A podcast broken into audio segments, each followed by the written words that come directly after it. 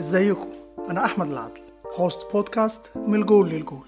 بشجع أربع فرق بقالي كتير قوي الزمالك مانشستر يونايتد ريال مدريد وإنتر ميلان. هنتكلم عنهم بشكل دائم ونحلل ماتشاتهم ومن خلالهم هنقدر نتكلم عن باقي الأندية اللي بتنافسهم والمنافسات المحلية والقارية اللي بيشاركوا فيها.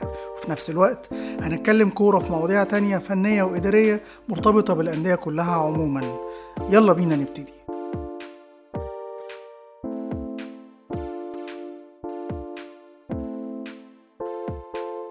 مساء الخير عليكم حلقة جديدة من بودكاست من الجول للجول مع أحمد العدل وحلقة جديدة هنتكلم فيها عن الزمالك واحد من الأندية الأربعة اللي قلنا هنتكلم عنهم بشكل دائم النادي الأقرب لقلبي في حياتي كلها. أول حلقة هتكلم فيها عن الزمالك وكنت أتمنى تبقى حلقة أتكلم فيها عن حاجات إيجابية تخص الزمالك لكن للأسف كل شيء غير سعيد يخص الزمالك مباراه في دور ال 32 من بطولة الكونفدرالية ضد ارتا سولار الجيبوتي. انتهت بخسارة نادي الزمالك 2-0 في مباراة عجيبة شبه مباريات كتير قوي عجيبة في تاريخ نادي الزمالك. هنتكلم عن كل اللي حصل فيها وعن خطة اللعب والتشكيل وظروف النادي وكل شيء وإيه اللي ممكن يكون أدى للخسارة. ويلا بينا. الزمالك اللي بيعيش فترة صعبة جدا جدا جدا بداية من استقالة مجلس الإدارة كاملا وانتخابات على الأبواب بعد شهر من دلوقتي.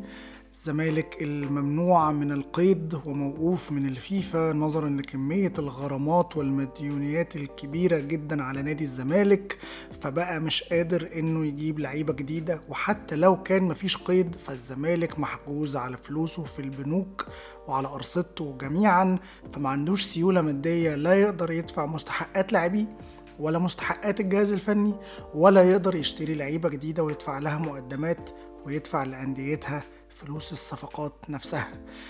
اذا الزمالك ممنوع من القيد. ما عندوش اوبشن غير إن هو يحافظ على القوام وعلى فرقته المتواضعة ويحاول يحافظ على اللعيبة اللي كانت معارة ورجعت من الإعارات. أمثال محمود علاء أمثال يوسف أوباما لعيبة غايبة كتير كانت مش موجودة نظرا للإصابات زي عبد الله جمعة زي محمد عبد الشافي وهكذا. وده اللي ممكن يتعامل معاه الزمالك على إنه صفقة جديدة عشان دي لعيبة ما كانتش موجودة في الموسم اللي فات أساسا. الزمالك بيبتدي بخطة لعب 4 1 4 1 محمد صبحي حارس مرمى رباعي بيلعب من اليمين للشمال حمزة المسلوسي وحسام عبد المجيد ومحمد عبد الغني وحاتم سكر. ارتكاز وحيد نبيل عماد دونجا قدامه من اليمين للشمال. شيكا على شماله إبراهيم انداي على شماله يوسف أوباما على شماله الناحية التانية من شيكا مصطفى شلبي العائد من الإصابة. تحت سيف الجزيري الزمالك وكعادته مع اسوريو بيعمل overload مش طبيعي ناحية الشمال سواء كان فتوح اللي غاب في الماتش ده وزيزو اللي غاب برضه نظرا للإصابة في الماتش ده موجودين أو مش موجودين في overload ناحية الشمال. لو زيزو بيلعب ناحية اليمين وده ما حصلش كتير مع اسوريو برضه بيحصل overload ناحية الشمال. ومصمم جدا في إنه يعمل overload هنا عشان يخلق مساحة في الجبهة اليمين. دايما اللعيب اللي بيلعب جواها يخش العمق ويخش ال 18 فالعرضية اللي من ناحية الشمال تلاقي زحمة جوه ال 18 من اللعيبة اللي في القلب ومن اللعيبة اللي جاية من ناحية اليمين. وزي مثلا ما شفنا لعيب زي سيد نيمار أحرز منها هدف في البطولة العربية بنفس الشكل من عرضية ناحية الشمال جه منها جول. وحصل إن الطريقة دي خلقت فرص كتير جدا قبل كده وخلقت النهارده بالتحديد من ثنائية مصطفى شلبي وحاتم سكر الهجومية جدا زي مثلا الهجمة اللي عملها مصطفى شلبي لحاتم سكر 1 2 ولعبها بالعرض. حاتم سكر هايلة جدا لسيف الجزيري اللي استلم بشكل سيء بدل ما يلعبها على طول في الجون استلم غلط فما لقاش اوبشن غير إنه يسلمها لأوباما اللي واخد مكان جوه ال 18 جسمه مش معدول فلعبها وحش جدا. الجبهة دي كان دايما بتحاول إن هي تحط مصطفى شلبي في موقف واحد على واحد وتحاول إن هي تخلق زيادة بقرب يوسف أوباما منه أوقات وقرب حاتم سكر منه أوقات عشان تخلق زيادة تخلق اتنين على واحد تخلق خطورة وهكذا. أوباما اللعيب اللي بيلعب لأول مرة بعد رجوعه من الإعارة من الدوري السعودي كان مؤثر جدا النهارده. كان سيء في إنهاء الفرص لكن كان المنتظر من إنه يعمله عمله. التحرك الجيد جوه ال 18 ودي نقطة عند أوباما بيعرف يعملها كويس جدا. الارتداد الدفاعي ودي نقطة بيعرف يعملها كويس جدا. بناء اللعب مع الارتكاز ودي نقطة بيعرف يعملها كويس جدا. أوباما مع شوية ثقة وتركيز وحساسية ممكن يبقى لعيب مؤثر جدا في خطة لعب نادي الزمالك للأحسن بشكل مش طبيعي.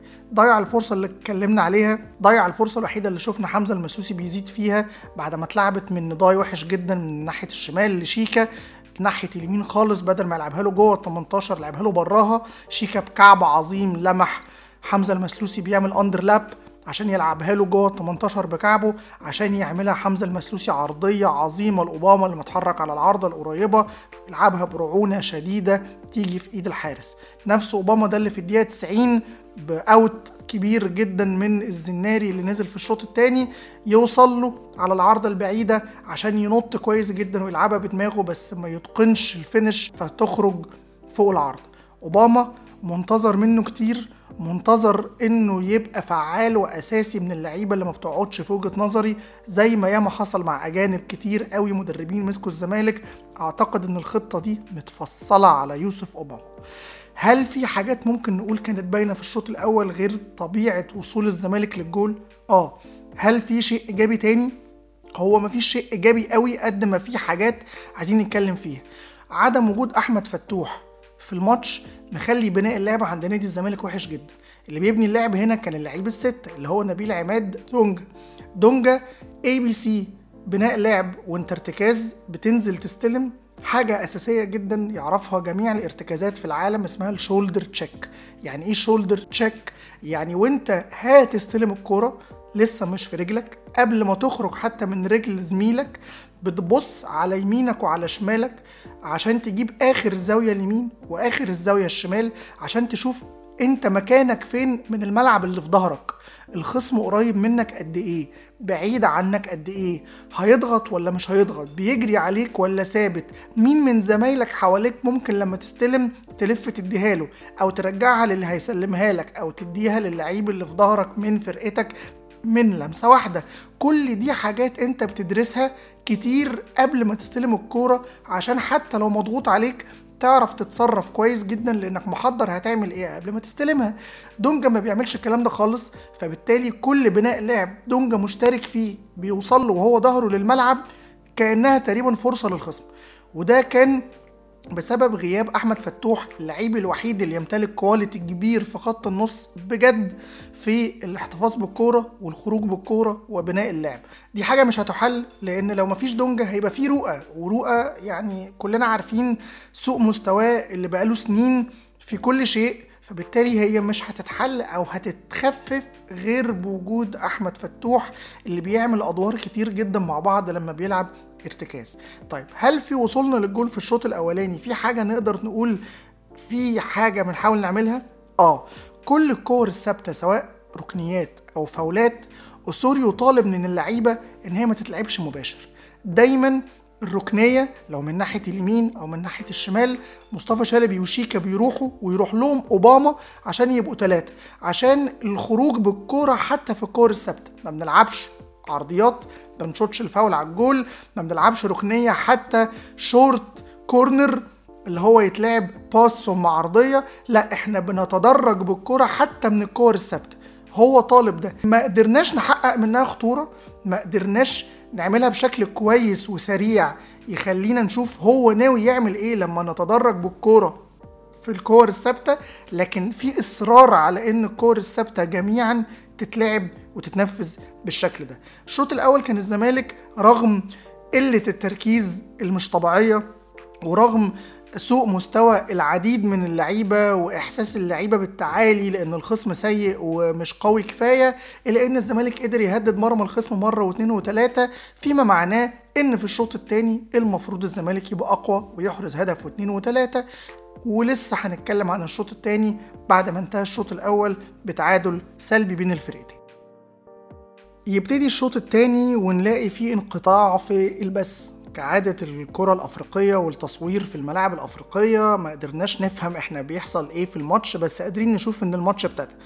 بيرجع الشوط التاني وبنقدر نتفرج عليه بعد ما كان عدى منه عشر دقايق والنتيجة صفر صفر إلى أن بنكتشف إن وقت انقطاع الصورة الزمالك دخل فيه جول في بداية الشوط التاني وما شفناهوش ومش عارفين حتى نحلله ولا نقول حصل فيه إيه لكن الأكيد إن جول في بداية الشوط الثاني ده يربك كل حسابات الفرقة ويدي ثقة للخصم اللي كان حاسس إنه أصلا قريب جدا من إنه يبقى مخلص الشوط الأول وهو متأخر في النتيجة بفارق جول واثنين وثلاثة وفي نفس الوقت يحسسك انت بشك لأن بدل ما كان زمام الأمور في إيدك بقت انت بتجري ورا النتيجة. بعد شوية صغيرين جدا من محاولتك انك تركز وانك تحاول توصل للجول بما فيش هدف تاني هجمة مرتدة اتلعبت للأسف الشديد. اللعيب جوه ال 18 لعبها بالعرض حاتم سكر بيعمل تغطية عكسية. بدل ما بيعمل تغطية ويخرج الكورة من المكان الخطر اللي وصلت له للأسف بيوقفها للمهاجم اللي كان متحرك على العارضة البعيدة هو وصبحي جول. وما بين الجول والجول اللي شفناه واللي ما شفناهوش صبحي أنقذ انفراد تام بكوارث مش طبيعية. الفكرة إن الجول التاني جه من هجمة مرتدة هجمة مرتدة لأرتا سولار ما كانش فيها غير اتنين لعيبة بس من الزمالك. إيه اللي ممكن يخليك تبقى بتلعب all in لدرجة إن الفرقة كلها سايبة مكانها وزايدة لفوق ومفيش غير اتنين بس ورا. إيه اللي يخليك في ماتش away ضد خصم مش مدروس كفاية ولعيبتك ما عندهاش حساسية ماتشات كافية إنك تبقى بتعمل كده؟ بدري قوي في الشوط التاني. يعني تعمل كده وانت خسران جدا وعايز تلحق تجيب جول علشان انت خسران كتير فمش مشكلة المهم تجيب جول يقلل الفارق. تعمل كده في ماتش العودة لو كان بعد الشر انت خسران ومتأخر في ال score. تعمل كده في ظروف معينة لكن متعادل صفر صفر وانت أحسن وأقرب للفوز وتنزل الشوط التاني يخش فيك جول ما نعرفش حصل فيه إيه بس في أول الشوط يعني لسه قدامك شوط كامل ترجع فيه للماتش فتفتح ملعبك كل ده لحد إن الهجمة المرتدة ما يبقاش فيها غير اتنين لعيبة بس من فرقتك فتبقى اتنين على اتنين ويخش فيك جول تاني مش مفهوم ابدا إيه اللي ممكن يخلي اسوريو يفكر في الفكرة دي ويقولها للعيبة فتحصل. 2-0 ويبتدي اسوريو في إنه يعمل تغييرات. بينزل عمرو السيسي وسيد نيمار وبيخرج شيكا ودونجا وبعدها مصطفى الزناري بينزل وبيخرج حسام عبد المجيد عشان الرباعي اللي ورا يبقى حمزة المسلوسي مدافع والزناري هو اللي back right زي ما لعب قبل كده back right كتير. لسه مكملين في ال overload ناحية الشمال وبنوصل فعلا من خلال مصطفى شلبي الوحيد الكويس على الجول واللي خالق خطورة بجد. حاتم سكر في بناء اللعب بيلمح مصطفى شلبي بيتحرك من ظهر ال back right في مساحة بيلعب له long ball مظبوطة جدا بيستلمها شلبي وبيدوس عليها. هو والجول بيلعبها الحارس بصعوبة بيطلعها وبنبتدي نحس إن الزمالك ممكن يرجع للماتش. اللعيب الوحيد اللي قادر يخرق خطورة سواء من خلال مساندة حاتم سكر أو من خلال مساندة أوباما أو لوحده فردي في واحد على واحد هو مصطفى شلبي. وفجأة تغيير ملوش أي معالم ولا أي حاجة بينزل ناصر منسي وبيخرج مصطفى شلبي. اللعيب الوحيد اللي قادر يعمل خطورة بيخرج. ومن لحظة خروج مصطفى شلبي الزمالك بقى عشوائي جدا جدا جدا. كل حاجة عبارة عن لعب سريع كور ثابتة بتتلعب غلط. مصطفى الزناري بيلعب فاولات ودي في حد ذاتها أصلا يعني شيء مثير جدا جدا جدا. ومفيش حد بيوصلك للجول مفيش شكل ثابت في عشوائية مفرطة في توتر في هجمات مرتدة لأرتا سولار ممكن تجيب الثالث والرابع والخامس ولولا ستر ربنا كان الماتش خرج ب heavy score لتنتهي المباراة ب 2-0 لأرتا سولار بعد ما كانت المفروض تنتهي بفوز كبير للزمالك. فرقة زي دي مش محتاجة أبدا إنك تبقى عندك لعيبة عظيمة ولا إن يبقى عندك مدير فني عظيم ولا إنك تبقى عندك لعيبة مبسوطة. محتاج بس رجولة وتركيز عشان تعرف تكسب الفرقة دي رايح راجع لأن أي فرقة في الدوري المصري تعرف تعمل. بداية سيئة جدا للزمالك لم تكن على البال ولا على الخاطر. جمهور الزمالك كله كان متعشم في بداية جيدة تديله أمل رغم الظروف الصعبة اللي بيعيشها مع النادي يوم بيوم خصوصا وإن الدوري على الأبواب ومباراة الزمالك وبيراميدز هي في آخر الأسبوع ضد فريق محلي ومنافس قوي جدا. مش مكتفي بأنه عنده سكواد عظيم مليان لعيبة مش طبيعية زي عبد الله السعيد ورمضان صبحي وبلاتي توريه ومصطفى فتحي وأسامة جلال ومحمد حمدي إبراهيم عادل وفخري لاكاي وكل دول. لا ده جاب عليهم مهند لاشين ومحمد رضا بوبو محمود هرعي وجاب فرقة تقيلة جدا جدا جدا مع مدير فني قوي زي باتشيكو هيبقوا منافس السنة دي مفترض إن يبقى أقوى من أي مرة ظهر فيها من الموسم الأولاني ليهم اللي كان فيه رامون دياز وكينو الأجنبي. الزمالك عنده ماتش صعب جدا جاي ضد فريق لازم يكسبه علشان يصالح جمهوره. ويبتدي بداية كويسة في الموسم تدي أمل لجمهوره اللي قلقان نظرا لضعف squad الزمالك وظروفه الصعبة كنادي والانتخابات اللي عادة ما بتجيبش خير أبدا. وكمان لأنه ممنوع من القيد وعشان يبتدي يجيب لعيبة محتاج يستنى ليناير لو اتفك القيد. أسبوع مليان ماتشات صعبة. الزمالك صعب منها ماتشات على نفسه وفي ماتشات صعبة كده كده خلقة. ظروف معرفش الزمالك ممكن يعدي منها إزاي. الحالة الوحيدة اللي تخلي الزمالك يعدي من الظروف الصعبة دي وهي إن لاعبته تبقى قد المسؤولية وتعرف إن مفيش مجال للتعالي على الكورة ولا على الخصم ومفيش مجال للفوز غير التركيز وإن كل واحد يدي 200% عنده علشان يقدر يوصل بالزمالك لمنطقة آمنة. جمهور الزمالك مش طمعان في منافسة السنة دي ولا في بطولات. جمهور الزمالك طمعان في إن الموسم يعدي على خير. جمهور الزمالك عنده خبرة في المواسم الصعبة والظروف الصعبة أكتر من أي جمهور تاني في أي نادي في العالم. وعارف إن موسم زي ده بظروفه دي اللي في أوله عشان تبتدي تحس بإنجاز هيبقى في النص التاني من الموسم.